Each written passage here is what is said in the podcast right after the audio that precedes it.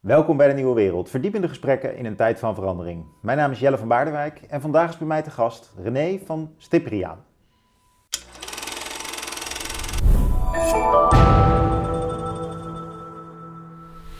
René, je hebt een boek geschreven over Willem van Oranje, De Zwijger. Uh, we gaan bespreken. Je bent cultuurhistoricus, Neerlandicus. Ja, ik ben eigenlijk een cultuurhistoricus die uit een Nederlandicus is voortgekomen. Dus zo, hm. zo, zou je het kunnen zeggen. Ik ben me steeds meer internationaal gaan oriënteren. Ik ben me steeds meer op geschiedenis gaan oriënteren. Hm. Ja.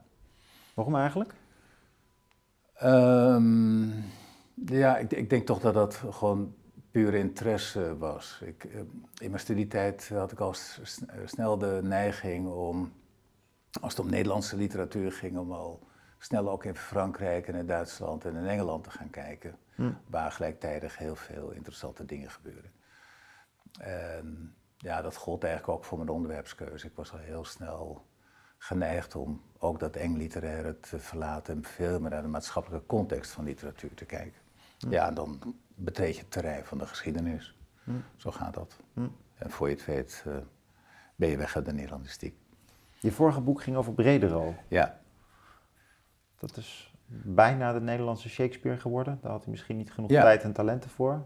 Uh, wel talent is mijn overtuiging, maar uh, niet de tijd. Het Bredero is uh, jong gestorven. Hij is maar 33 geworden. En als je bij hem kijkt naar wat hij had geschreven toen hij 33 was. En je kijkt tegelijkertijd naar wat Shakespeare op zijn 33ste geschreven had.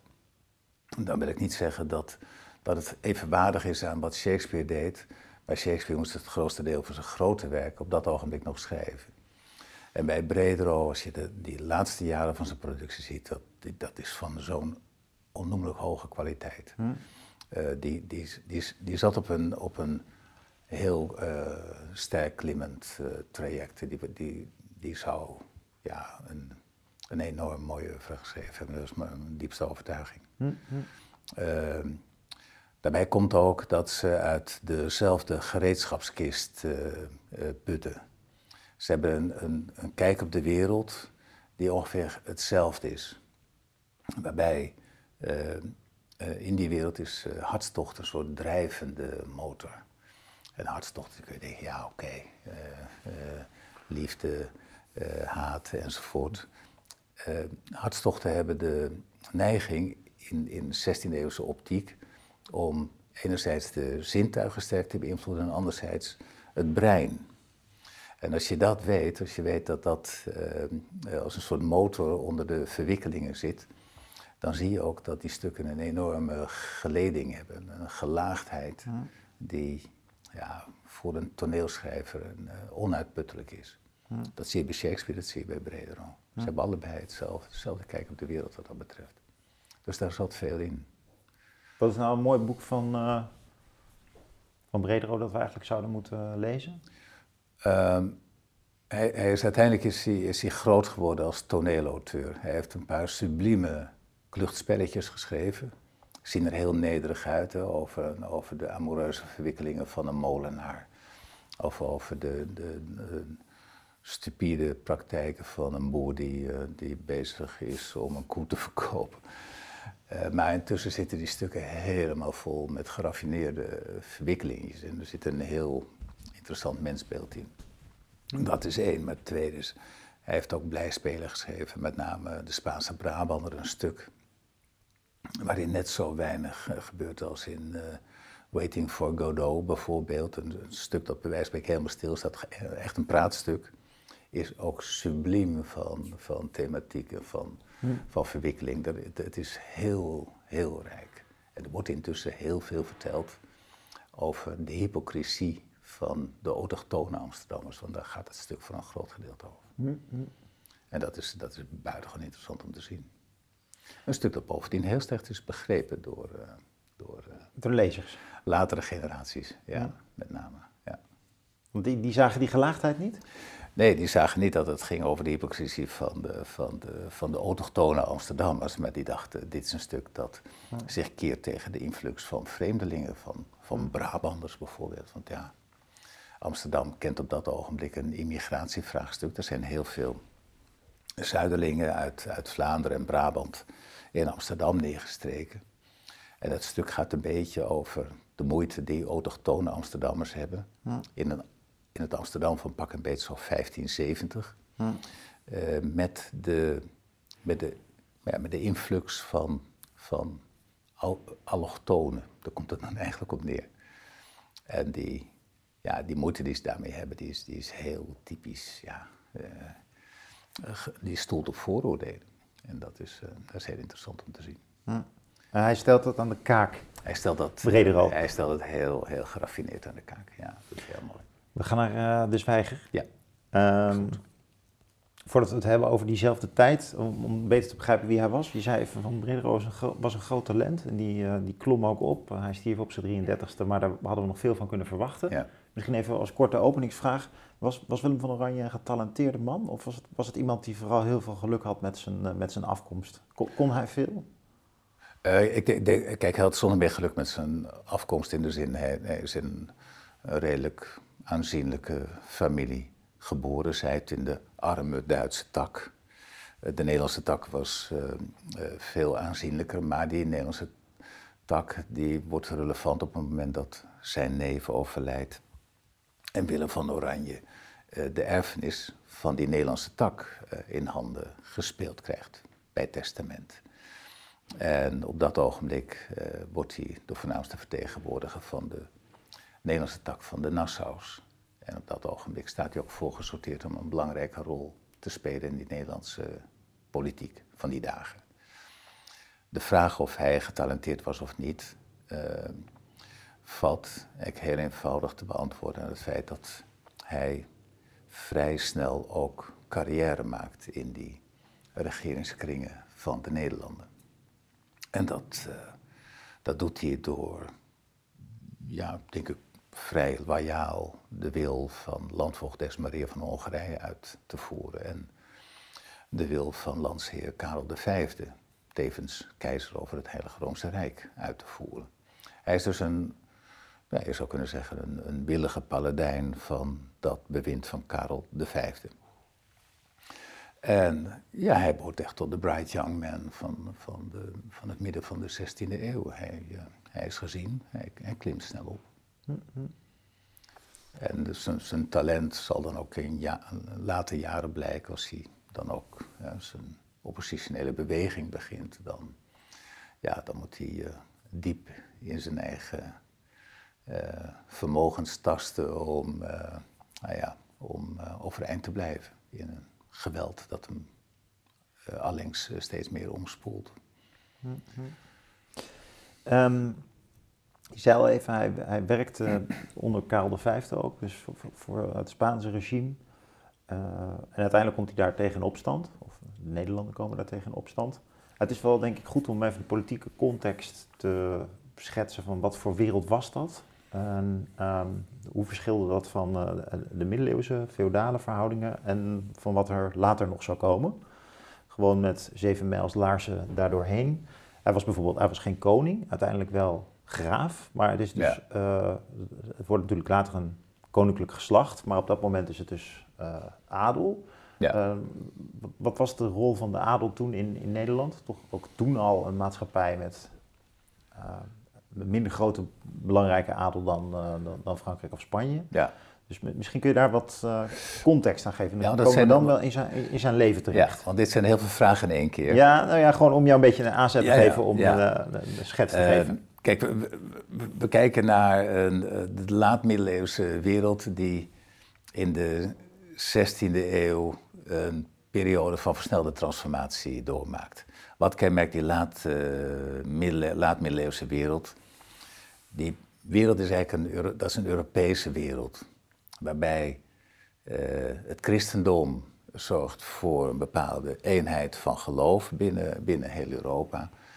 En de feudaliteit uh, zorgt voor een soort eenheid binnen het politieke systeem dat over heel Europa wordt gevolgd. Feudaliteit heeft één ding tegen op wat, uh, wat bijvoorbeeld unificerende principe van het christendom is het christendom dat, dat kan zichzelf vrij goed hiërarchisch vanuit Rome overeind houden. Want het, gaat, het, heeft een stelsel van benoemingen van, van, van, van alle mogelijke kerkelijke uh. Maar de feudaliteit heeft een systeem van vererving. En in dat systeem van vererving zie je dat Europa de neiging heeft om voortdurend te verkavelen. En ook voortdurend in, in conflicten over erfenissen te belanden. Die spanningen die spelen de hele late middeleeuwen overal in Europa. In de loop van de 15e, zo aan het begin van de 16e eeuw, zie dat een beetje uitkristalliseren in de zin dat er steeds meer grote machtsblokken ontstaan. Eén klassiek machtsblok is al geruime tijd Frankrijk. Dat is eigenlijk de grootmacht binnen Europa. En intussen komt in de loop van de 15e eeuw, als een Europese grootmacht, ook opzetten Habsburg. En Habsburg, dat, dat strekt zich inmiddels uit van zeg maar het Heartland uh, Oostenrijk op dat ogenblik. Ze zijn van Zwitserse herkomst, maar Oostenrijk, Wenen uh, is hun uh, machtsbasis. En ze hebben in het oosten van Europa de nodige gebieden verworven. Hongarije, Bohemen. En er vindt intussen ook een verbinding plaats met het Huis van Bourgondië en met het huis van Aragon in Spanje. En dat komt allemaal in een stroomversnelling zo aan het einde van de 15e eeuw. Dan is Habsburg bezit niet alleen in Oost-Europa grote gebieden. Ze zijn ook langzamerhand uh, meester over een deel van de Nederlanden, Bourgondië en ook uh, Spanje en een deel van Italië. Dus ze zijn heel groot en intussen omsingelen ze als het ware ook met al die bezittingen Frankrijk. En dit wordt een bron van grote spanning in de hele loop van de 16e eeuw. En dat is de wereld waarin Oranje als het ware binnenkomt rollen bij geboorte. En als Duits graafje, die uiteindelijk in de Nederlanden terechtkomt en daar in een wat aanzienlijker familie terechtkomt die direct, directe diensten aan dat Habsburgse machtscomplex verleent, is hij ook meteen een soort zetstuk, een pion op dat militaire, militair-politieke schaakbord van Europa. Als je nu kijkt naar, wederom naar de bigger picture van, van het begin van de 16e eeuw, dan gebeurt er nog iets. En dat is dat het christendom begint intern enorme spanningen te ontwikkelen. De hervormingsbeweging van Maarten Luther is daar een representant van. Die spanningen die zijn al een tijdje zich aan het, aan het ontwikkelen. Hm. En met Luther krijgt dat een enigszins militant karakter. En Luther is ook in staat om de connectie met de politiek te leggen. Hij weet diverse vorsten in, in met name het Duitse Rijk, weet hij uh, aan zijn zijde te krijgen. En dat Duitse Rijk, daar uh, staat een keizer boven. En de keizer is met Karel V op dat ogenblik ook in Habsburgse handen. En daar ontstaat een, een tweede grote Europees conflict. Dus je hebt het conflict Habsburg-Frankrijk en je hebt het conflict uh, van het katholicisme, het oude katholicisme, tegenover die hervormingsbewegingen. En dat gaat in de loop van de decennia daarop, gaat dat steeds meer in elkaar klitten. Hm. En tot steeds meer brandhaarden leiden. Hm. En een van de grootste brandhaarden ontstaat in de Nederlanden. En daar speelt Willem van Oranje een hele grote rol in. Dit even als het, ja. als het algemene geschiedverhaal. Ja. Eén ding daaraan toevoegen dat je natuurlijk in Nederland een aantal van die reformatoren al hebt voor Luther. Dat is toch eigenlijk heel opmerkelijk, hè? Bijvoorbeeld uh, Thomas A. Kempis. Zeker, ja. ja.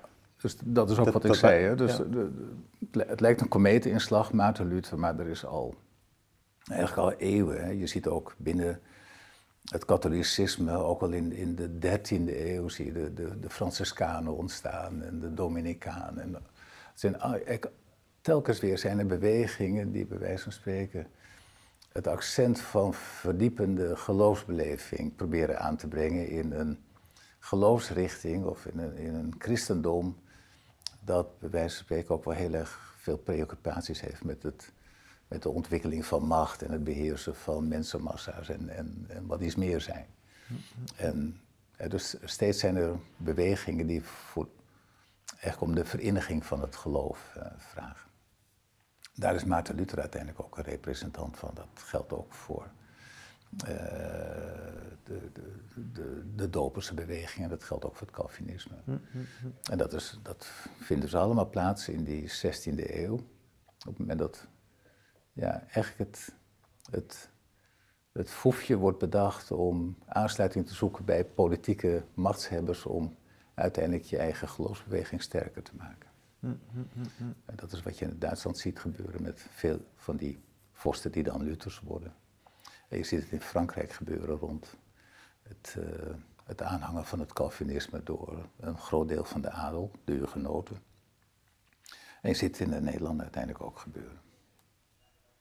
Dan beschrijf je heel mooi hoe uh, hij zelf, Willem van Oranje, dus gedurende zijn leven ook bij verschillende geloven hoort. Ja. daar ook zijn kaarten, zoals op veel dossiers, tegen de borst houdt. Ja. Uh, op een goed moment zich wel echt aansluit bij de, bij de Calvinisten, de watergeuzen. Ja. ja. Maar ook heel lang dus dat katholicisme vast probeert te houden. Dat was ook toen, dat weten we ook bijvoorbeeld van Erasmus, dat, dat was toen een heel... Uh, zo, zo werkten meer intellectuelen en machthebbers. Ja. Uiteindelijk die strijd niet op de spits willen drijven. Nee. Maar daar een beetje het midden in kiezen, ook in de hoop dat het niet te veel uit de hand zou lopen. Maar hij lijkt daar nog, hij ja. lijkt daar nog wel een. De indruk die je boek wekte bij mij was dat hij wel toch opvallend op die verdraagzaamheid en het niet willen kiezen inzet. Ik wil het ook niet nee, te idealistisch interpreteren, maar wel. Dat, dat, lijkt toch wel een continue lijn in zijn leven te zijn. Ja. Dat hij daar echt terughoudend over is. Uh, dus dat het verschil niet te groot moet worden gemaakt. Nee. Uh, dat, dat, het, dat hij een christelijke inborst heeft, dat. Uh, is evident en daar blijft het eigenlijk ook bij. Ja, ik denk dat hem het beste begrijpen in de context van die, van die uh, hervormingsbewegingen. Als je weet dat hij is Luthers opgevoed. Op zijn elfde dwong Karel V af bij de aanvaarding van de erfenis van de, van de Nederlandse Nassau's. Dat Willem van Oranje kat, verder katholiek zou worden opgevoed en een katholiek leven zou leiden. En nou ja, als dat als stringente voorwaarde wordt gesteld en je gaat daartoe over, ja, dan zal dat ook zo gebeuren. Uh, je moet daarbij goed bedenken dat elf jaar is een, is een, uh, is een gevoelige leeftijd als het hier om gaat. Denk terug aan je eigen elfde jaar, dan dat ogenblik heb je al een zekere kennis van de wereld opgebouwd. Je hebt bepaalde overtuigingen. Je kijkt al wat scherper naar de volwassen wereld. Dus het, het, was niet helemaal waardevrij voor Oranje, voor, voor, voor, die, voor, de, voor de jonge Willem, om, om, om zijn geloof opeens te moeten verloochenen. Dus dat, dat moet een, betekenisvol iets zijn geweest. Hij is vervolgens dat, is, is zich katholiek gaan gedragen. Uh, ik denk ook wel dat er een bepaalde katholieke overtuiging in hem zat, maar dat zijn geloof niet heel erg diep ging. Dus ik, ik denk dat hij een bepaalde uh, alledaagse opvatting van het, van het geloof had. Uh, dus niet al te vroom, niet al te beleidend. nou, dus dat, dat is, dat is Maakt hem wel tolerant al meteen. Nou, de, de, dat, dat werkt vooruit naar het volgende. Uh, hij ziet intussen om, om zich heen dat dat geloof wel degelijk door de enorm veel clashes leidt in, in, in, in de samenleving, maar ook, ook in kringen van, van, de, van de adel. Er is, er is continue spanning. Uh, met name doordat er toch vanuit dat Habsburgse machtscomplex wordt voortdurend aangestuurd op, op strenge geloofsvervolging. Ze willen echt dat er eens een keer echt achter de rug hebben. Ze willen daar een eind aan maken. En hoe harder ze daar tegen ingaan, hoe heftiger die tegenbeweging van met name die Lutheranen wordt. Dus dat, eigenlijk werkt dat recept van die geloofsvervolging werkt heel slecht. Hm. Dat is ook wat Oranje ziet. En Oranje is denk ik dan in zekere zin ook heel katholiek. In de zin dat hij denkt of, of, of, of hoopt dat, dat uh, het mogelijk moet zijn om die verschillen tussen geloofsrichtingen, om die uiteindelijk weer te verzoenen. Om uh, uiteindelijk een, een route te vinden waarbij de katholieke kerk wat opschuift in de richting van die hervormingsbewegingen. Dus die katholieke kerk van binnenuit ook hervormd wordt. En iedereen weer met z'n allen gewoon verder kan in een verenigd christendom. Dat is wat hem, denk ik, al vrij snel voor ogen staat. Dat kun je wel willen, maar als je tegelijkertijd ook politiek verbonden bent aan, aan dat Habsburgse machtscomplex, en je, je, bent uiteindelijk ook een representant van het vervolgingsbeleid, dat gaat wringen. Dat is wat je bij hem uiteindelijk ook uh, ziet gebeuren. Je ziet bij hem die, de, de, de noodzaak om, om de Habsburgers op dit vlak te dienen, de, ja, die kan hier steeds minder uh, onderschrijven. En dat, dat wordt een steeds moeilijker verhaal. Hm. Maar het is wel goed om nog uh, te beseffen dat hij, dus, dus onder Karel V en zelfs dus onder zijn zoon Philips II, eigenlijk wel goed functioneert eigenlijk nog. Uh, vooral onder Karel, uh, als onderdeel dus van, als representant van het Habsburgse Rijk. Dus die, die ergernissen die ontstaan pas later. En die ergernissen ontstaan om, om meerdere redenen. Geloof is er één van. De, de, andere is dat hij ehm, ook wel moeite krijgt, en dat is niet zozeer onder Karel V, die uh, abdiceert in 1555. Zijn zoon Philips II wordt dan landsheer over de Nederlanden. En op dat ogenblik zie je uh, Oranje steeds meer moeite ontwikkelen met de regeerstijl van Philips II. Hij, hij vindt, denk karakterologisch lagen ze elkaar al niet zo. Dus dat, dat speelde al mee. Uh, Philips had een vrij rigoureuze blik op, op, op juist die geloofskwesties. Maar ook op de manier waarop hij de Nederlanden wilde besturen. Hij wilde absolute loyaliteit van zijn zetbaasjes in de, in de Nederlanden, om er zeker van te kunnen zijn dat zijn wil ook gevolgd werd.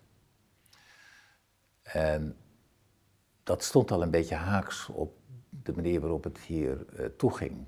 Hm. Want er was en je moet je de Nederlander voorstellen als, een, als toch een, een vrij los geheel van, van gewesten, die allemaal een beetje op een eigen manier bestuurd moesten worden, waar allemaal gewestelijke privileges uh, golden, waar ook allemaal verschillende, er zat ook allemaal verschillende wetgevingen. Nou ja, Kwamen die gewesten ongeveer overeen met de provincie? Waren dat gewoon de Zee, nou, de Noord- en de Zuid-Hollanders? Of? Precies, als je nu kijkt naar de, naar de kaart van, van Nederland en van België, dan zie je ongeveer wat de gewesten aftekenen die op dat ogenblik ook bestaan. Uh, met allerlei uh, aanpassingen als dat Holland bijvoorbeeld nu Noord- en Zuid-Holland is twee, zijn er twee provincies. Die zijn voortgekomen met één gewest Holland. Hm. En zo, nou ja, zo zie je wel meer van dat type. Maar die kaart van, van pak een beet rond 1560, die wijst heel aardig vooruit naar de kaart zoals je hem nu ziet van de, van de provinciestructuur van van uh, Nederland en België.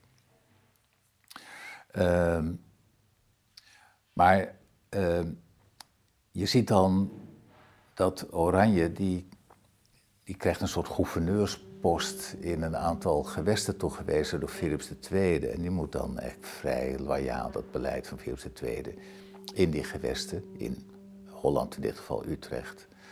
En uh, Zeeland moet hij, moet hij loyaal ten uitvoer brengen. En dat heeft veel te maken met het bestuursmodel van Philips II, die steeds meer absolutistisch denkt.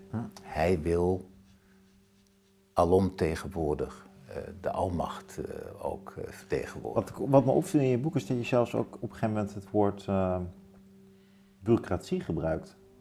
Dus dat je zegt, ja, Oranje slaagt er ook in zich af te zetten tegen de bureaucratie. Dus, het, dus de, ja. Toen dacht ik wel van, ach, dat is eigenlijk een heel modern woord. Maar uh, dat, ja. dat het heel strikt was wat er verwacht werd van hem en hoe hij bestuurde. Nou ja, kijk, uh, als je een bestuursstelsel ontwikkelt zoals Philips II wilde, waarbij zijn wil alles bepalend was, tot in de, tot in de haarvaten van, uh, van, van, het, van zijn rijk, dan heb je eigenlijk niets meer aan allerlei gremia die daarover willen meepraten.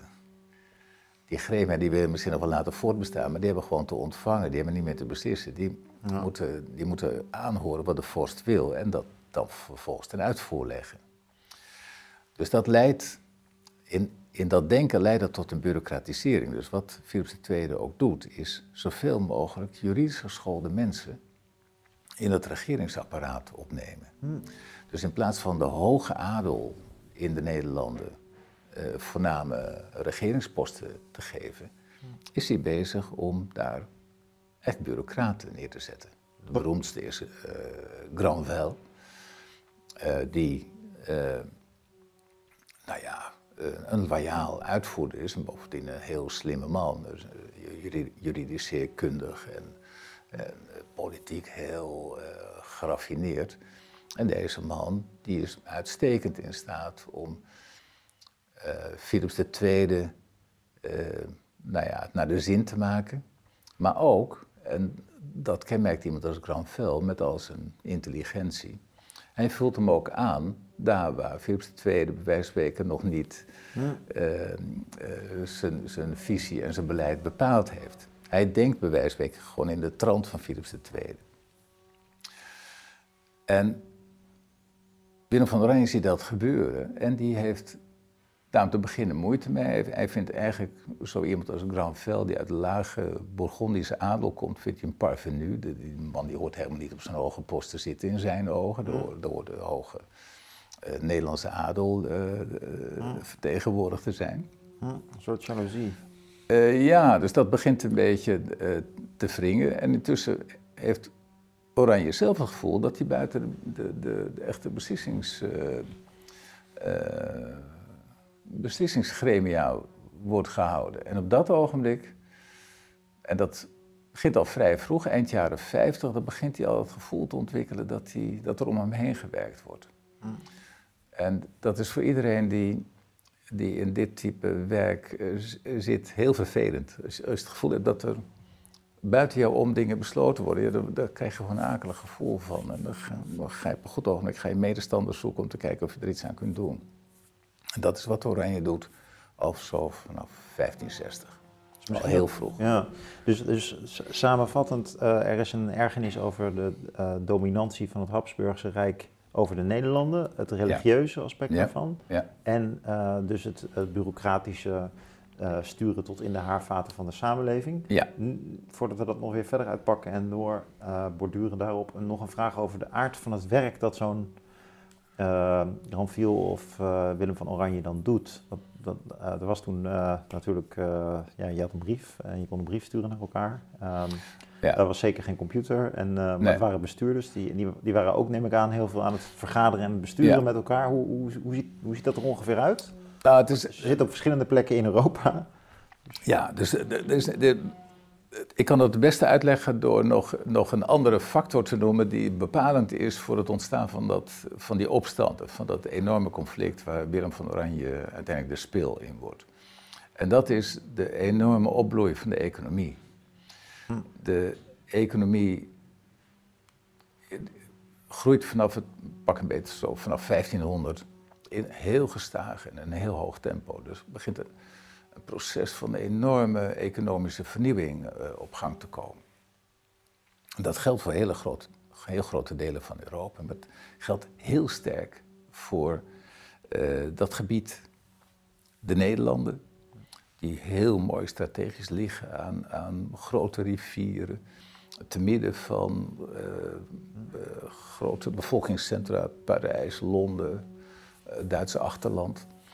Dus dit gebied heeft opeens heel veel mee. En bovendien er verlegt zich ook iets uh, economisch in de kaart van Europa. Heel lang is de Middellandse Zee bepalend geweest. Economisch zwaartepunt en ook een cultureel zwaartepunt. Hm. En dat verlegt zich met de ontdekking van, uh, van, uh, van Amerika en ook met het exploreren van grote delen van Azië verlegt het economisch zwaartepunt zich ongemerkt naar de Atlantische Oceaan. En dat biedt ook enorme kansen aan die Nederlanders die goed handel kunnen drijven, maar ook nog eens een keer heel goed kunnen varen. Dus die, die hebben opeens heel veel mee. Die staan opeens heel goed voorgesorteerd in. Is dat ook ten opzichte van de rest van het Habsburgse Rijk? Dus dat er in Oostenrijk en, in Spanje ook dat men niet zo meekomt in de vaart der volkeren, economisch gezien? Uh, of valt dat nog wel mee? Nou ja, dus uh, Spanje heeft het grote voordeel dat het uh, in de positie komt dat het een heel groot deel van die van die nieuwe eh, gebieden die opengelegd worden in de wereld ook zelf kan besturen en kan beheren en monopolies kan afdwingen. Uh, met name in Amerika ja, krijgen ze in, in, in, het midden van Amerika de, de, toegang tot, tot, enorme goud- en zilvervoorraden naast handel in huiden, noem het allemaal maar. Allemaal spullen die naar Europa worden getransporteerd. En ja, zodra je op edelmetaal aan de hand kunt leggen, dat ja, uh, laat je schip vol. En het is, je, je hebt een enorme opbrengst. En dat, daar profiteert Spanje enorm uh, van. er wordt ook een grote economie omheen gebouwd. Maar die Nederlanders die zijn intussen uh, wel bezig om de Spanje van, van voedsel en van, van luxe voorwerpen en, wat iets meer zijn te voorzien. Eh, textiel, bedenk het maar. Eh, dus die rijkdommen die komen ook voor een belangrijk deel ten goede aan de Nederlandse economie. Dus je ziet daar een soort Atlantische suprematie ontstaan. Nou, dat is één. En als je dan bedenkt dat waar handel over steeds grotere afstanden moet worden, uh, over steeds grotere afstanden verplaatst, heb je voorzieningen nodig om kapitaal te laten bewegen. Dus er ontstaat iets als een bankair systeem. Uh, waardepapier wordt steeds meer met juridische waarborgen omgeven. Uh, allemaal van dat type ontwikkelingen zie je in die slipstream van, van die Atlantische opmars en van de opmars van de Nederlanders zie je allemaal ontstaan. Je ziet aandelenkapitaal uh, ontstaan. Dus het beurswezen dat in, in, in, in Antwerpen, Londen, later ook Amsterdam uh, opkomt. Ja, dat zijn allemaal 16e-eeuwse ontwikkelingen. En daar zie je eigenlijk ook dat die, die economische ontwikkeling, die is in hoge mate relevant voor wat die bureaucratie, waar we het net over hadden, wat die bureaucratie te doen heeft. Die bureaucratie die moet ervoor zorgen dat die handelstromen een beetje in goede banen geleid worden. Dat ze ook via belasting een beetje worden afgeroomd. Want uh, de oorlogsmachinerie, het hof, uh, het hele bestuurssysteem heeft ook geld nodig. En het werk van die bureaucratie is eigenlijk het ontwikkelen van nieuwe regelingen, het verzinnen van hm. vormen waarop je uh, die handel kunt belasten.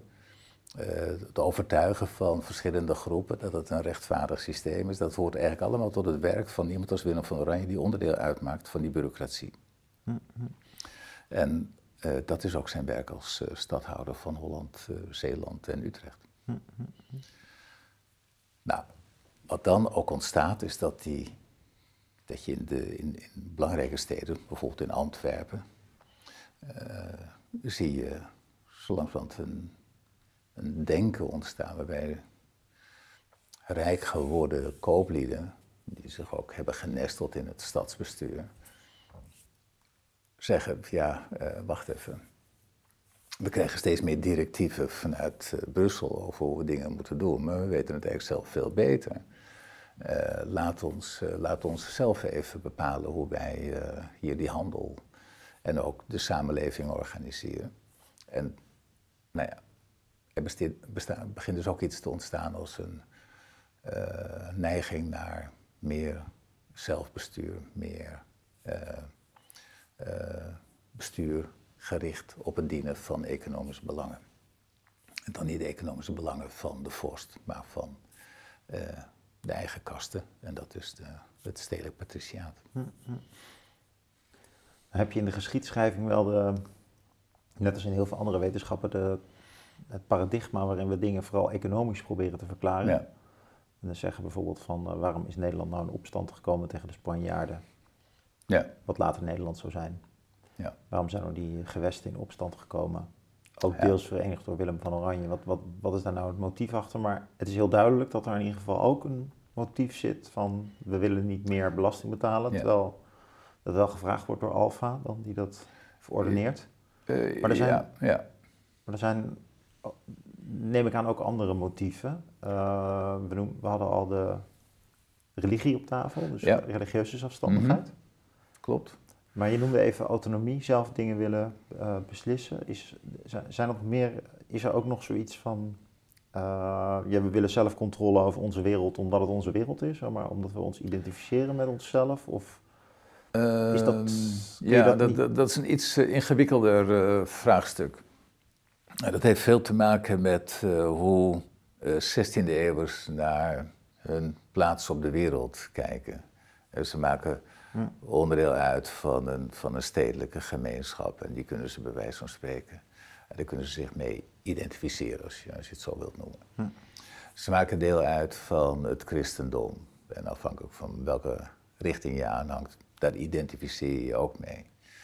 Wat niet zo sterk ontwikkeld is in een groot deel van de, van de 16e eeuw, dat is iets als een, een identificatie met je eigen land. Als je kijkt naar de Nederlander, dat, die, dat is een, een heel jong begrip op dat ogenblik. De, de, de Nederlanders zijn pas onder Karel V, als het ware, aaneengesloten.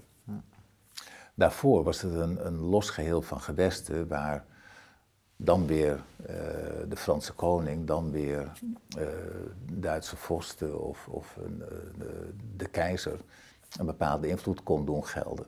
Maar dat was geen aaneengesloten geheel. Karel V heeft dat in een aantal stappen rond 1548, 49 aaneengesmeed en ook zodanig aaneengesmeed dat het niet meer uit elkaar getrokken kon worden. Dan ontstaat er zoiets, voor het eerst zoiets als de Nederlanden. En dan moet je dat gebied je voorstellen als de Nederlanden inclusief eh, België België en Luxemburg. en Luxemburg. Ja. Ja. En eh, dat, eh,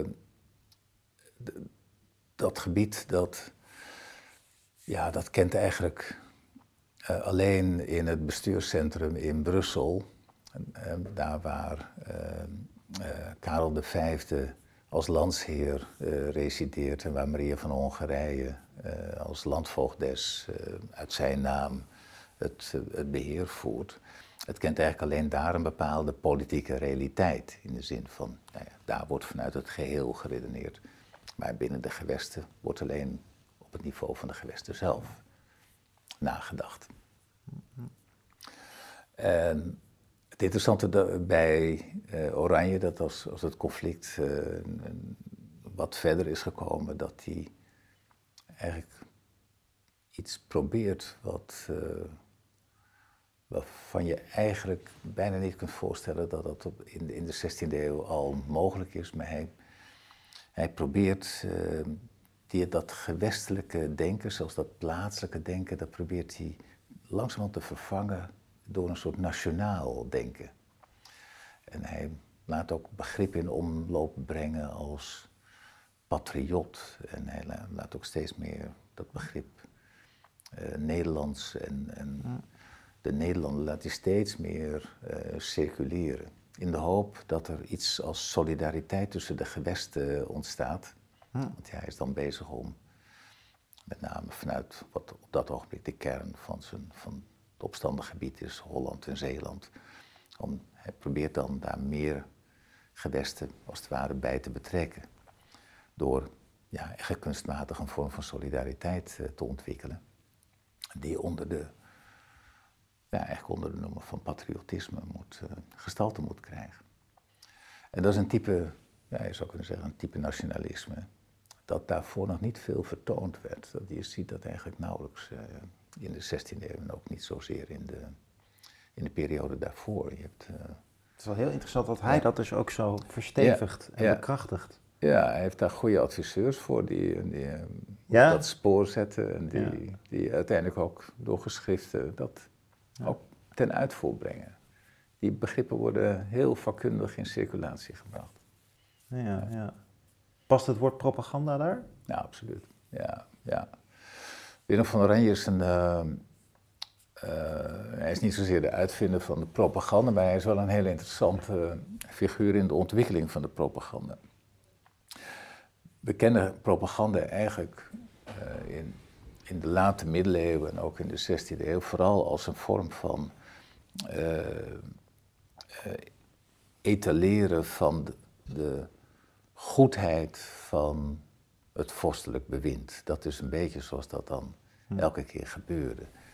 De, de, de vorst presenteert zichzelf als van, met zijn van God gegeven macht. En hij, hij, hij presenteert zich in een schittering. En uh, dat leidt ook tot een theatrale vorm van propaganda. En dat zijn de Bourgondiërs bij uitstek heel erg goed in. Die, die zijn de grootmeesters van het, uh, van het straatfeest, bij wijze van spreken. Waarbij een stad helemaal wordt omgetoverd in, een soort schitterend decor met overal licht en kleur en noem het maar. En de vorst, die maakt, die, die toont zich daarbinnen als, ja, als het absolute middelpunt. Degene bij wie de macht samenkomt. Dat is propaganda uh, in, de, in, zeg maar in de 15e, 16e eeuw. Er ontstaat een nieuwe vorm van propaganda in de stipstream van die, van die hervormingsbeweging. Waarbij propaganda opeens een wapen wordt in handen van oppositionele bewegingen. En dat is eigenlijk eigenaardig, want propaganda was daarvoor bedoeld ter bestendiging van de bestaande orde. En opeens ge gebruikt Maarten Luther propaganda in een hele andere context. Maarten Luther? Maarten Luther, ja. Hij is degene die, bij wijze van spreken, eh, die, die propaganda drastisch ommunt. En dat kan hij doen bij de gratie van de boekdrukkunst. Hij is degene die die boekdrukkunst opeens tot voertuig maakt van het uitzenden van een boodschap die over een heel grote afstand en bij heel veel verschillende doelgroepen kunt laten landen. Ja. En dat is wat hij heel effectief doet. Die man die heeft honderden, zo niet duizenden pamfletten laten uitgaan tijdens zijn leven alleen al. Ja. Die zijn nou ja, miljoenvoudig zijn ze verspreid. En dat heeft een enorme invloed gehad. Dus Willem van Oranje en zijn team kijken dat eigenlijk af bij de protestanten? Ja, ja ik, denk, ik denk dat dat daadwerkelijk gebeurd is. Eh, en daarbij keken ze waarschijnlijk ook wel naar wat er in Frankrijk gebeurde. In Frankrijk had je die beweging van die Calvinisten, de Hugenoten, die uh, al een aantal keren een, een behoorlijk militant conflict met uh, de gevestigde orde, het Franse Koningshuis, hadden ontwikkeld. Hm. En daarbij ook sterk steunen op gebruik van propaganda. Je woordkeuze suggereert dat de conflict oorzaak aan de kant van de Calvinisten lag? In Frankrijk? Ja. Uh, of valt het wat? Nee, dat, dat. Het is natuurlijk een historische ontwikkeling. Precies, als je, als je dat. Uh, roept elkaar af en op een goed moment overreageert de een en dan weer de andere. Ja. Je hebt een aantal bekende half. Ja, Bartholomeusnacht bijvoorbeeld, waar. Nou, kijk, als je, als je naar de schaal van, uh, van dat conflict in Frankrijk kijkt, dan. Wat onderscheidt Frankrijk zo van, van de Nederlanden? In Frankrijk werd in korte tijd het Calvinisme buitengewoon populair. Hm. En dat, dat, dat, daar raakten heel veel uh, bevolkingsgroepen, heel veel lagen van de, van de bevolking ook uh, bij betrokken en van overtuigd. En dat gold ook voor een deel van de Franse adel.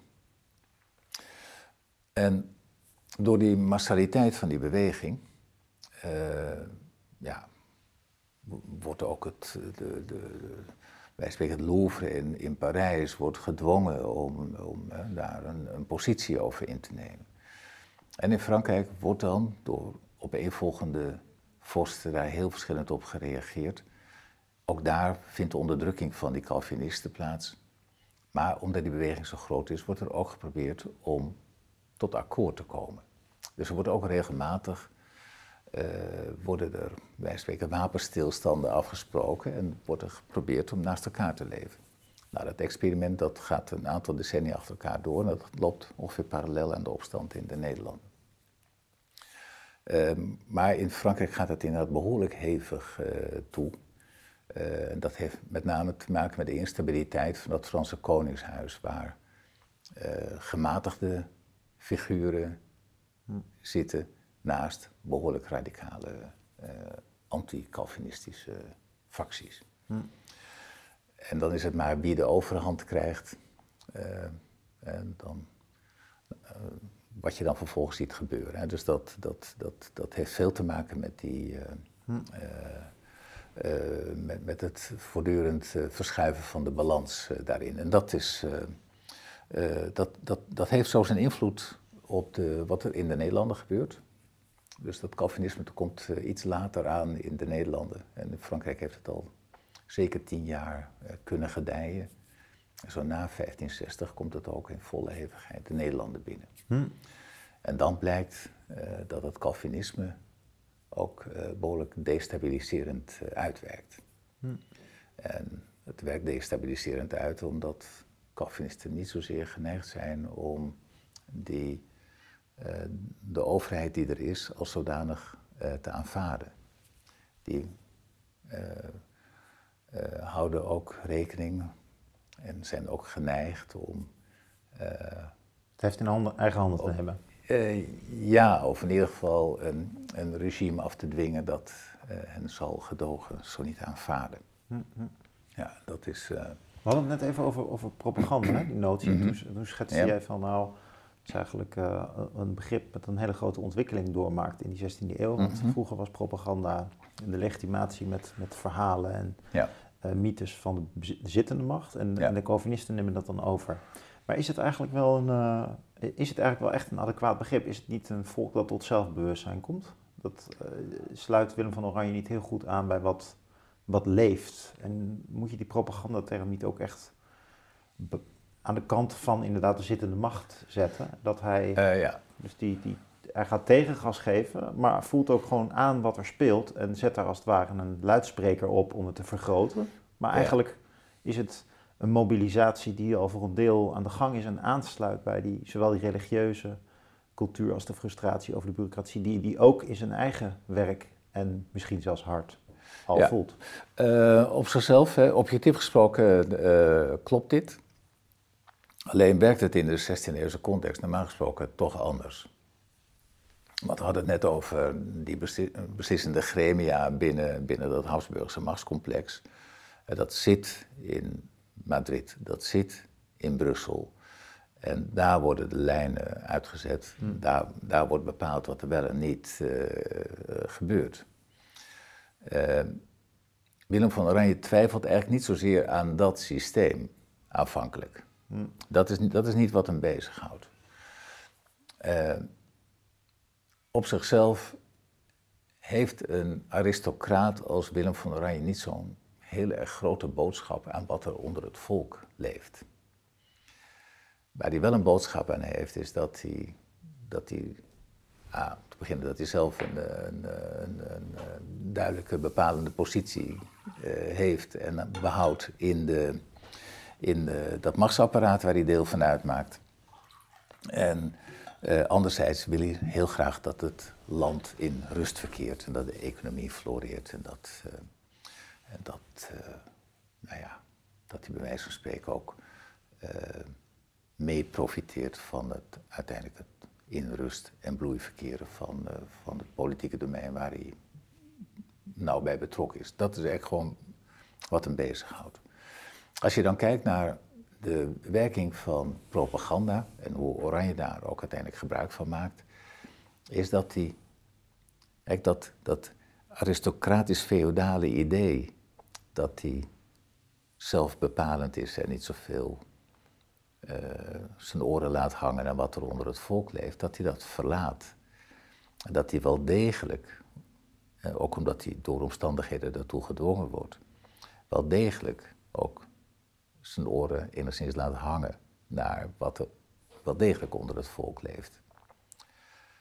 Waarbij propaganda helpt om zijn eigen ideeën, als het ware, eh, ook bij die bevolking binnen te brengen, in de hoop dat de bevolking dan zegt, oh, zo had ik er nog niet naar gekeken, maar nu ik het zo uitgelegd zie, ja, daar ben ik het wel mee eens, hier sluit ik me bij aan. Ja. Dat is hoe propaganda werkt. Ja. Dus er moet eigenlijk altijd ook een kern van, van waarheid is van... Van waarheid in die propaganda zitten. Er moet, je moet ergens zien te middelen met wat er onder het volk leeft. En dat is wat die propagandisten van Oranje, in, met behoorlijk veel succes, maar ook wel met wisselend succes moet ik zeggen, uh, doen. Je spreekt in het boek trouwens, want we hebben het nu even over die waarheid, helemaal aan het eind ook wel van een waarheidscrisis in de 16e eeuw. Hè? Ja, ja. Een interessante notie, omdat we het nu over propaganda hebben en het daar ook mee te maken heeft. Misschien ja. goed om dat nog even op te pakken ook. Ten meer omdat het eigenlijk... We leven denk ik opnieuw in een tijd van een waarheidscrisis. Ja, dus absoluut. Dat, was misschien twintig jaar geleden niet zo aan de hand. Dus we, we hebben daardoor denk ik wat meer gevoel voor wat dat geweest is. Dat is heel interessant. Ik, ik, toen ik dat schreef, toen ontstond het woord, ontstond gewoon onder de toetsen van mijn tekstverwerken. Ik ben toen nog even op Google gaan kijken of het woord überhaupt bestond, waarheidscrisis. Ja. Het, bleek wel, het bleek wel een keer gebruikt te zijn. Toen gaf Google aan dat iets van 35 keer voorkwam in uh, Google. Ik dacht, hé, hey, merkwaardig. Ja. Terwijl het voor mij wel iets uitlegde. En wat is een waarheidscrisis? De waarheidscrisis is in, mij, is in mijn oog, en daarom vond ik het een adequaat begrip voor, uh, voor die 16e eeuw, dat is dat een nieuw medium als de drukpers komt op een goed ogenblik in de handen van een bepaalde groep, een, niet zozeer afgegrensde groep, maar wel een groep die een bepaald belang binnen, binnen, binnen een complex stelsel van belangen vertegenwoordigt. En die groep die maakt, die, die is in staat om een tijd lang het discours te domineren, als het ware. Dus een groep die vult de, de samenleving met ideeën, terwijl allerlei andere groeperingen hebben of geen toegang tot het medium, dat kan, of ze willen er geen gebruik van maken. Ze vinden het bij wijze van spreken een minderwaardig medium. En dat gold bijvoorbeeld heel lang voor het, uh, voor het bewind van Philips II, dat ze zijn neus ophaalden voor het, het uh, via pamfletjes in omloop brengen van hun visie op de gang van zaken. Ja. Dat vonden ze dat, dat, laaghartig om zo, zo te strijden. Ja. Uh, iets uh, vergelijkbaars zien we in onze tijd. dus ik, ik vind, eh, we maken nu ook een waarheidscrisis mee. Die is behoorlijk hevig, vind ik.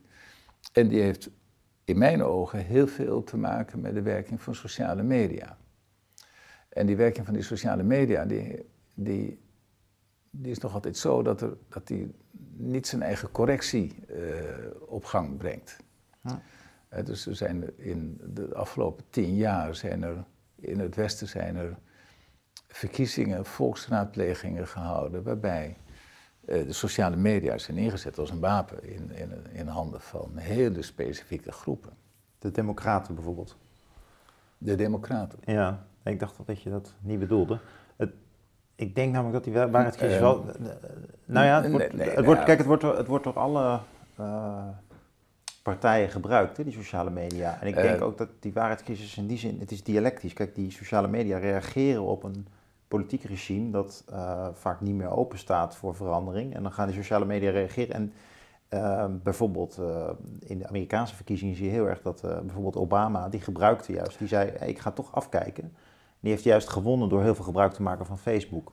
Ja. En Trump heeft juist heel veel gebruik gemaakt van, van Twitter. Dus die, je ziet dat ze daar mee flirten, maar eigenlijk, zeker in Nederland vind ik dat de macht wel eens wat beter zou mogen luisteren naar kritiek in sociale media. Dus heb ik ook het idee dat de waarheidscrisis ook een polarisatie is. Dat het establishment zich afsluit en aan de andere kant sociale media radicaliseren. Nee, ja.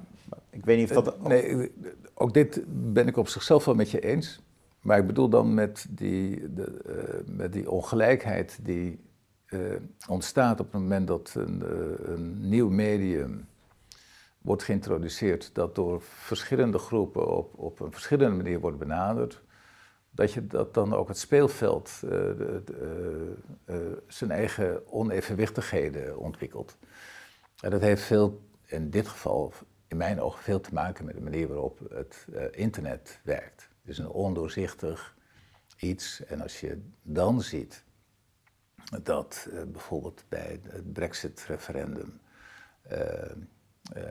allerlei partijen, waarvan we nu moeten aannemen dat daar wellicht de Russische geheime dienst en allerlei andere partijen in, staat zijn geweest om door het, het uitsturen van enorm veel trollen en, en, noem het maar, in staat zijn geweest om dat hele discours te verstoren en mensen in te zwachtelen in hun eigen gelijk en, en daar hm. verbindingen aan te brengen. Wij spreken gewoon draadjes in die breinen te activeren, waardoor ze uh, bepaalde kant op werden gedwongen. Dat heeft veel te maken met wat in mijn ogen ook in dit geval een waarheidscrisis is. Er zijn geen correctieven meer, of die zijn er nog niet. Die komen wel, dat, dat mogen we hopen dat ze komen. Dat dan eigenlijk het proces op gang komt, dat jij net noemt, hè, dat, dat, dat, dat, dat, dat er eh, verschillende visies tegen elkaar inwerken, dat ook machthebbende partijen gedwongen worden om daarnaar te luisteren. Bij wijze van spreken, net als in de 16e eeuw. Op een goed ogenblik via die propaganda, wat, wat ze uitsturen, ook de verbinding te leggen met wat er onder het volk leeft. Maar dat zag je niet gebeuren bij Brexit, waar gewoon een, een, een politiek idee werd geponeerd. En intussen uh, waren daar belanghebbende partijen zoals uh, uh, de Russen die in staat bleken om ja. dat nou, Brexit is... Doordat uh, het totaal ondoorzichtig en onevenwichtig speelveld was. Ja. Eh, in staat bleken om, om die discussie vergaand te manipuleren. Ja, Brexit wel een veelkoppig monster. Ik denk dat er ook wel een andere kant is. Die trouwens ook grote parallellen heeft met wat er uh, gebeurd is in de 16e eeuw. Namelijk het mhm. verzet van een land tegen een uh, grote rijk. Dat, uh, dat kleinere land bureaucratisch probeert in te kapselen. Mm ja. dat is duidelijk ook het parool van de taking back control. Het is waar dat er ook allerlei uh, manipulaties in, in die campagne zaten, ja. maar die zou je ook kunnen zien in de campagne aan de kant van Europa. En de lessen die Europa vervolgens daarvan leert, van Brexit, dat valt mij ook erg tegen. Dus dit, jouw perceptie is ook een van de lessen. We zijn eigenlijk genaaid door de Russen en het is een on, ondoorzichtig communicatieproces geweest. Dat is denk ik toch wel heel erg een eenzijdige les. Een andere les is dus dat uh, ja, landen kunnen dus ook stoppen met onderdeel willen zijn van zo'n regime, omdat ze dat toch niet vrij ervaren. Dat, uh, dat, gaat er maar niet in aan de kant van Europa. En dat, dat, dat, dat, daar sta ik wel eens van te kijken. sociale media heeft dat weliswaar versterkt, dat besef van we willen hier niet aan meedoen. Ja, maar, maar, dat is, dat maar, maar het besef is groter dan het medium. Ja, maar dat is een ander niveau van discussie. Hè? Dus dat, dat, dat, dat, dat is de zaak zelf. Ja. Als het mij gaat om die waarheidscrisis, dan is het bij wijze van spreken hoe een nieuwe uh, technologie, een nieuwe, nieuw communicatiemiddel, ja. bij wijze van spreken, uh, geïntroduceerd wordt en op dat ogenblik zijn eigen onevenwichtigheden creëert. Gewoon door, door er te zijn. Ja. En omdat de ene groep dat middel eerder adapteert en eerder omhelst dan de ander, ontstaat, ontstaat er een merkwaardige onevenwichtigheid. Ja, zo heb je dus de, rond Brexit het internet en uh, in de jaren 50, 60, 70 de televisie. Ja. En toen dus de boekdrukkunst. Ja, exact. Ja. ja. ja. Um, Willem schreef zelf ook, hij heeft een aantal werkjes geschreven. Ja. Is, is, zijn die nou van zijn hand? Heeft hij dat gedicteerd? Is hij daartoe in ehm, staat geweest? In uh, welke taal deed hij dat überhaupt? Kon hij Nederlands schrijven? Hij, uh, hij, kende geen Nederlands, tenminste niet, niet goed genoeg om in het Nederlands te kunnen schrijven. Dat deed hij ook nooit. Uh, hij zal het ongetwijfeld wel hebben kunnen verstaan, maar het weinige dat we erover weten is dat hij geen, heel, geen goede beheersing van het Nederlands had. Hoefde ook niet. De bestuurstaal in de Nederlanden was Frans. Uh, de taal waarin hij met zijn familie communiceerde, die, communicatie met de familie in Duitsland was uh, vrij intens. Dat was veelal het Duits. Daarin is hij ook opgegroeid en geboren, toch? Ja, ja, ja. dus hij was uh, Duitsstalig van geboorte. Uh, hij kende goed Latijn. En, en hij zat aan het Spaans, aan in de Spaanse nomenclatura van uh, ja, de Vijfde, dus hij zou ook Spaans gekend hebben? Ehm, of was dat dan bij mij, bij mij weten werd daar zelden Spaans gesproken, behalve door de uh, Spaanstalige onderling waarschijnlijk. Dus de voertaal was echt wel Frans. Ook in Spanje dus, oké. Uh, nou ja, maar Oranje zat niet in, in Spanje. Dus, die, ja, dus we, we, hebben het over ja, ja, natuurlijk, uh, het machtsapparaat in Brussel. Daar, daar, daar, zat hij. Maar waarom me nu verbaasd, ik had het wel gelezen in je boek, maar is omdat jij zei van ja, de grote geopolitieke, of geopolitieke, de grote politieke spanning was toen Habsburg dat Frankrijk omzoomde. Ja. En, en dat is toch gek dat juist binnen Habsburg dan toch Frans werd gesproken. Of haak nou allemaal dingen door elkaar heen? Uh, ja, zoals het gek is dat in Europa Engels wordt gesproken. Terwijl Engeland meer bij de EU wordt. Ja, ja, ja. ja, ja oké. Uh, Dat was gewoon de taal van de macht. In, in zoverre dat een groot deel van de Nederlandse adel was Franstalig. En er zat een zeker zwaartepunt van de Nederlandse adel in de zuidelijke gewesten.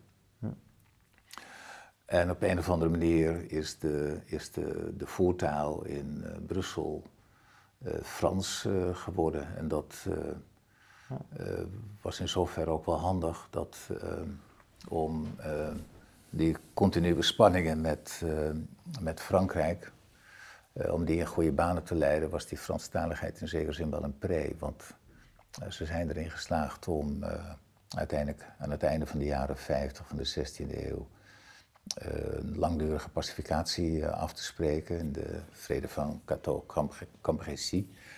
En uh, ja, toen bleek wel dat iedereen aan die onderhandelingstafel perfect Frans sprak. En eigenlijk ook in, in een zekere,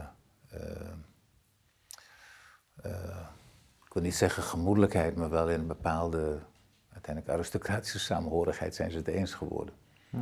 En uh, in die zin uh, had uh, het effect van die Franstaligheid, of had die Franstaligheid een gunstig effect in de, Je kon communiceren. In, in, de, in de manier waarop ehm, de Nederlanden zich internationaal positioneerden. Maar die pamfletten die Willem uitstuurde als onderdeel van zijn propagandastrategie, die waren wel in het Nederlands? Ja, je moet, je moet eigenlijk zo, zo zien dat die propaganda van Willem van Oranje, als die een pamfletten gestalte krijgt, die heeft grofweg een tweeledig doel. Het ene doel is het overtuigen van de eigen achterban in de Nederlanden. En het andere doel is het overtuigen van potentiële bondgenoten uh, in het buitenland. Dus in het, in het Duitse Rijk, ja, ja. waar hij hoopte dat vorsten bereid zouden zijn om uh, geld af te schuiven, legertjes te sturen enzovoort. En hetzelfde gold voor uh, mm uh, Frankrijk, waar hij hoopte dat hugenoten uh, steun zouden verlenen. Dus het uitdragen van het lot van de Nederlanden en, het, en de hardheid van het conflict met, met de Spaanse wind met name ten tijde van Alfa, dat, is een, dat is een terugkerend uh, iets. Hij, hij, hij, voert altijd een soort tweesporenbeleid. Hmm. Dus die, die achterban in de Nederlanden is belangrijk, maar het internationale speelveld is eigenlijk belangrijk. Hmm. Daar, daar moet hij hij, weet dat, dat hij het als een binnenlandse opstand zal hij het nooit uh, redden. Hij heeft buitenlandse hulp nodig. Hm, hm, hm. Ik, eh, we zitten ook uh, richting het einde van het gesprek en ik dacht uh, net in mezelf van wat zijn er nog st stukken in je boek ook met veel juice waar we nog wat meer over willen horen. En ik dacht misschien kunnen we wat inzoomen op de watergeuzen, wie dat waren en hoe die zich verbonden met Willem van Oranje. En misschien um, een paar prachtige stukken die je hebt geschreven over de belegering van Haarlem. Uh, we hoeven Haarlem niet te pakken als jij zegt van dan vertel ik liever iets over Gent. Maar uh, dat, ik dacht die twee willen we nog bespreken. Maar voordat we dat doen wil ik me even tot de kijker richten. Uh, we zijn begonnen met de decemberactie. En als je onze gesprekken kunt waarderen en er meer van wil zien, steun ons. dat kun je doen door um, wat over te maken, bijvoorbeeld 10 euro. Of als je meer te besteden hebt, 50 euro. Dat geld gebruiken wij om onder andere technici in te huren en uh, ons werk te organiseren hier. Dat heeft nog meer voeten in de aarde dan je misschien zou denken. Um, nou, we zitten hier in een bepaald pand, de verwarming staat aan, die technische mensen hebben ook contracten. En ehm, eh, ja, wij vinden het heel leuk als je ons daarvoor steunt. Dus doe dat als je ons waardeert. En als je dat niet kunt betalen, dan hoef je daar ook niet voor te generen. We gaan ervan uit dat uh, kijkers die dat wel kunnen, dat ook voor jullie zullen dragen. En zo werken we ook. Dus we willen er voor iedereen zijn. Dus het is een oproep aan degenen die het kunnen betalen om de nieuwe wereld te steunen. Dat doen we in december, daarom noemen we het de decemberactie. René, we hebben het over jouw boek, De Zwijger. Fantastisch boek. Erg van genoten. Koop het boek. Um, de watergeuzen. Willem van Oranje die sluit erbij aan. Of die zoekt aansluiting. Al een beetje ingewikkeld, want er zijn ook een soort half uh, ja. vikingen. Ook met een licht terroristische inslag soms zelfs. Uh, wat, wie, wie, waren dat ook weer? En, en hoe passen die in het plot van wat hij doet met de Nederlanden? Ja, nee, kijk, je, je moet je voorstellen dat in 1566 dan wordt het iets als een uitslaand uh, conflict. Dat noodzaakt Philips II om zijn meest gevreesde veldheer, de hertog van Alfa, naar de Nederlanden te sturen om orde op zaken te stellen.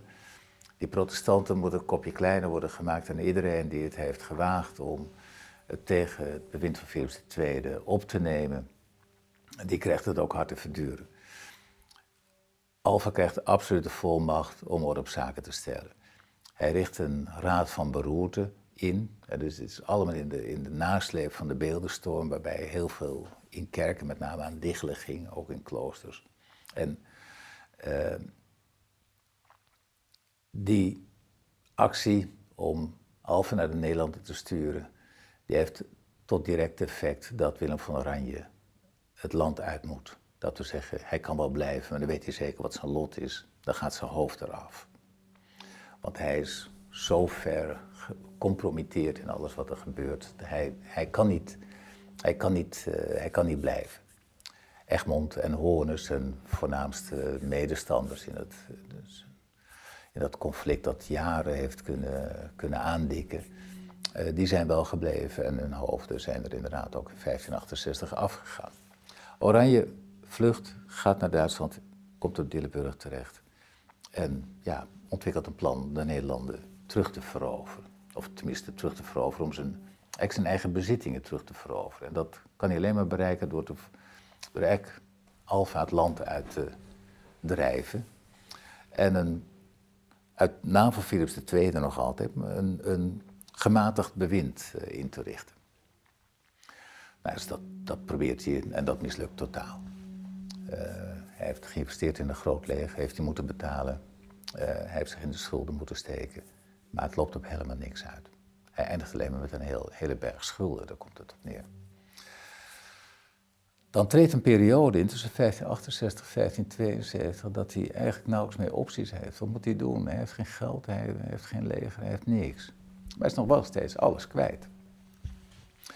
En ja, dan heeft hij te maken met ja, allerlei facties in de Nederlanden die potentieel zijn medestanders zijn. Dat zijn wat stadsbestuurders die eigenlijk wel van die Spanjaarden af willen. Dat zijn protestanten die ook natuurlijk wel in de praktijk zien hoe heftig dat de wind van Alfa tekeer gaat. Want dat, daar toch behoorlijk wat mensen uh, onder de valbijl eindigen.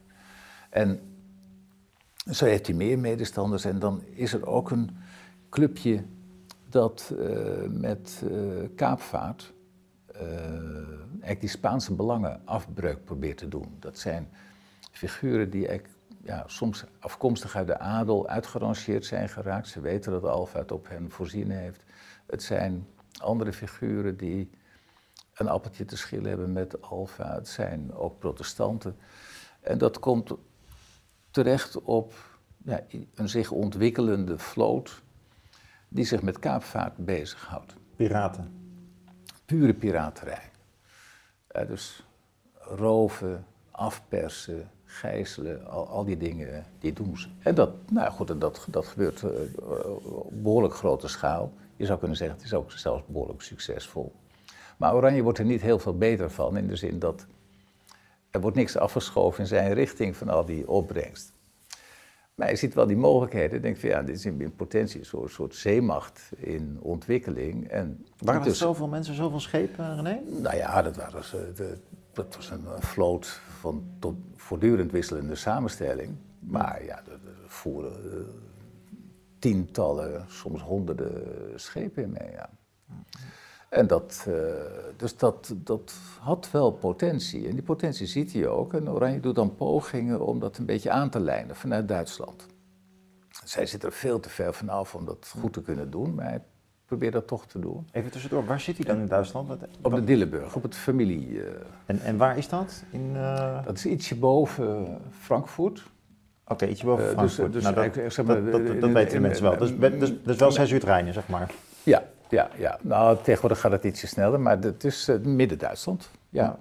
Eh, en, en op dat ogenblik is dat nog een behoorlijke reis die je moet afleggen. Dus daar gaan voortdurend eh, Ja, stoer- stoere, man, stoere op paarden heen en weer tussen, tussen Hm. allerlei havens en de Dillenburg. Om, ja, om eigenlijk vanuit Ja. de gedachte van Oranje, dit heeft potentie, om te kijken of dat eh, georganiseerd kan worden. Nou, dat wordt nooit echt een groot succes. Behalve dat eh, die watergeuzen die een beetje op eigen kompas varen de hele tijd, dan ten tijde van een, ja, een nieuwe eh, invasie van een leger van Oranje, die, die, is, die wordt op dat ogenblik volop georganiseerd, eh, in 1572, dan is er zo'n groepje watergeuzen dat Den Briel inneemt. Dat we zeggen, Den Briel overvalt domweg om het te plunderen. En als ze er eenmaal zijn, denken ze, nou ja, het ligt eigenlijk wel gunstig. We hebben, we hebben eigenlijk wel kans dat, dat we langere tijd door die Spanjaarden hier met rust worden gelaten. Laten we dit gewoon eh, tot ons voethold maken in, in Holland. En zo geschiet. En dat is een, eh, eigenlijk een geweldige ingeving geweest, omdat daar vervolgens in de directe omgeving vervolgens meteen allerlei andere dingen gebeurden die Oranje zeer in de kaart speelden. En dat eh, is uiteindelijk toch een belangrijk onderdeel geworden in het succes, een soort kanteljaar 1572, toen steeds meer steden in, in Holland en Zeeland eh, de zijde van de Oranje kozen, dan wel met ja, vrij eenvoudige machtsmiddelen aan zijn zijde werden gebracht. En dat was de ene stad naar de andere. Dat gaat eigenlijk het hele voorjaar en de zomer van 1572 door. En dat is eigenlijk ook het moment waarop, en dat mislukte nog van alles in 1572 met een nieuwe invasiemacht die ook weer totaal eh, mislukt. Maar eh, Oranje ziet op een goed ogenblik in dat in Holland en Zeeland gebeurt iets beslissends. Daar, ja, daar, daar steken toch, steekt de lokale bevolking ver zijn nek uit. En die zijn dan, hebben zo ver hun nek uitgestoken dat ze ook niet meer terug kunnen. Dus die komen in een positie dat ze eigenlijk zich nooit meer kunnen verzoenen met het Spaanse bewind. En die situatie, die psychologische context van, van Holland en Zeeland, die speelt Oranje zeer in de kaart. In de zin dat hij denkt van ja, kijk, als ik nog ergens kans heb om te overleven, want hij, hij verwacht er niet zo heel veel van, overigens, maar hij denkt echt dat hij aan de verliezende hand is. Maar als ik nog ergens kans heb om te overleven, is het daar. Dus hij vertrekt dan ook uiteindelijk naar Enkhuizen. En nou ja, de rest is history. Dan begint er iets te ontstaan als een uh, zelfstandig uh, Holland dat de motor wordt achter een, uiteindelijk een deels geslaagde opstand. Ja. Uh, waarbij de noordelijke Nederlanden zich uiteindelijk aaneensluiten. In, eerst in de Unie van Utrecht en vervolgens in de Republiek in 1588. Nog en dat maakt Oranje niet meer mee. Nee, dan is die Nee. al ongelijk. Ja. Nog een leuke um, lijn van propaganda naar de geuzen zijn de geuzenliederen. Ja. Eh, waar je er een aantal van aanhaalt. Ik kon even niet snel vinden waar. Misschien kan je dat nog zeggen of kan je er eentje zelf eh, declameren. Dus in, in, onder andere dus in de, in de oorlogsstrijd, maar ook Ja. in voorbereiding erop ontstaan er versjes en, Ja. en, en krij- krijgsliederen eh, waarin eh, dan eh, de draak wordt gestoken met Brussel. En, Ja, met Alfa met name, ja. ja, die, dat, is, dat is een interessant fenomeen, die, die geuzenliederen. omdat dat in, in termen van propaganda is, is dat een heel eigen genre geworden. In de zin dat ook hier dat die opstandige geest, hè, de, roep om verandering, zit er bijna altijd in. zit een heilig vuur in. En het heeft de eenvoud van, van mededelingen. Het gaat altijd over simpele uh, dingen die gebeuren. Het vat ook vaak een gebeurtenis samen, zoals de verovering van de Briel of uh, moord in Zutphen of de moord op ja. Naarden of de, de, de, val van Haarlem. En allemaal van dat type zaken komen die liedjes terecht. Ze hebben bij wijze spreken ook nog de functie van nieuwsbericht. Ze verspreiden zich als een lopend vuur. En een van de belangrijkste en mooiste is nog altijd, vind ik, het Wilhelmus. Dat uh, ook, ja, uh, met een heel specifiek doel ergens in 1571 wordt geschreven. Namelijk om Willem van Oranje heel goed in de vijf te zetten als de onbetwiste leider. Uh, die ja. als enig in staat geacht mag worden om de verdrukte Nederlanden uit de misère die door Alfa is gecreëerd weg te leiden.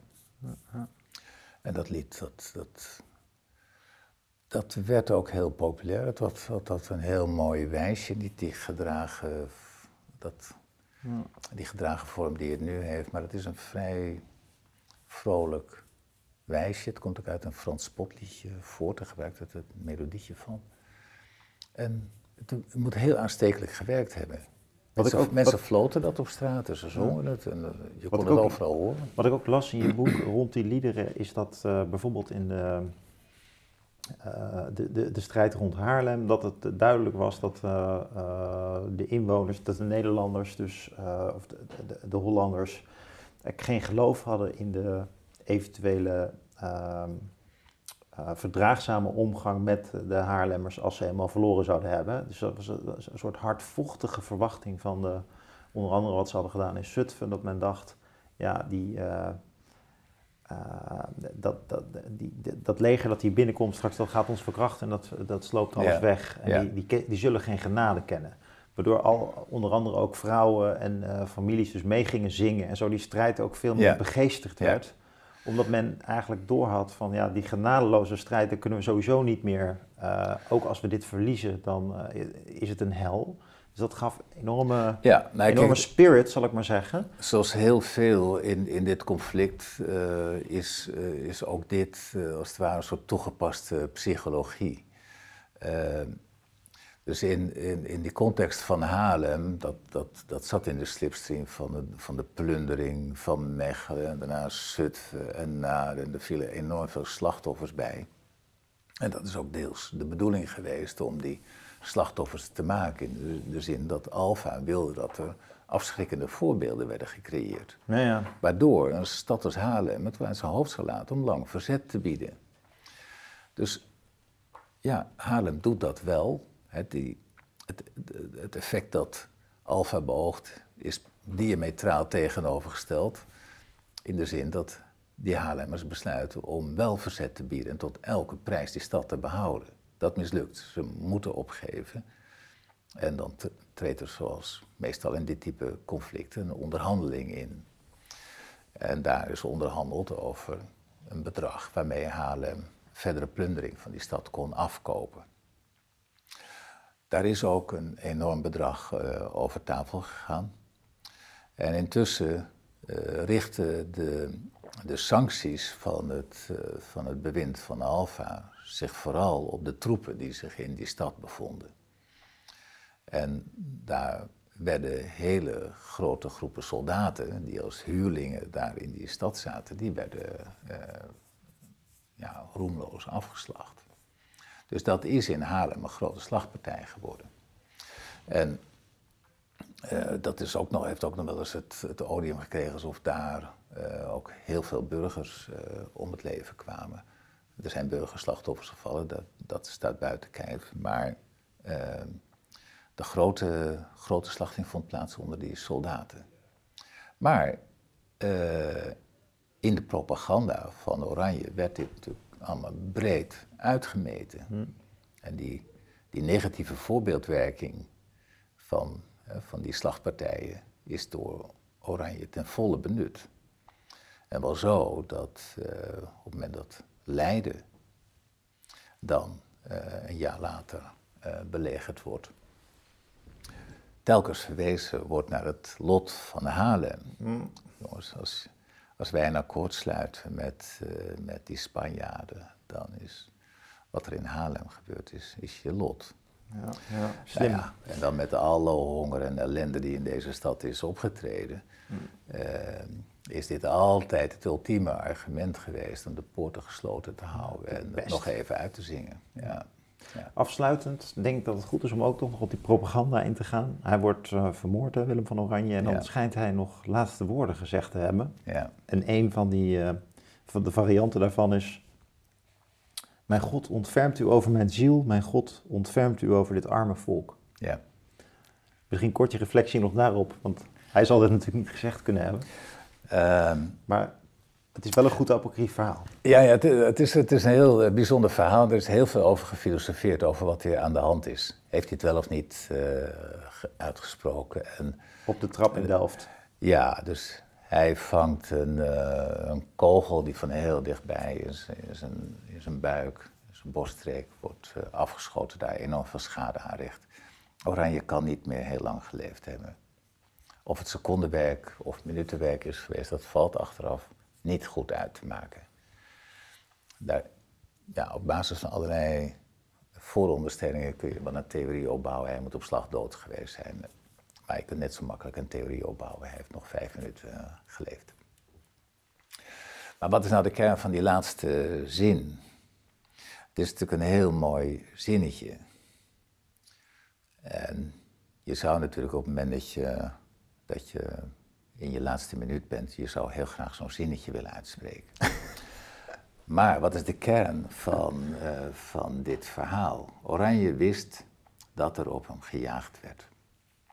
Er lag sinds uh, 1580, uh, was hij in de ban gedaan door Philips II en lag er, een, uh, lag echt de kogel klaar waarmee hij om het leven gebracht zou worden. De vraag was alleen wie hem zou afvuren, dus er zijn heel veel potentiële moordenaars op hem afgestuurd. En die zijn voor een heel groot gedeelte ontmaskerd. In 1582 heeft hij een aanslag waarbij hij een kogel in zijn, in zijn wang kreeg. Heeft hij overleefd. Uh, ik weet niet wat het met jou zou doen, maar op het moment dat zoiets gebeurt, je zit in de situatie dat ze op je azen.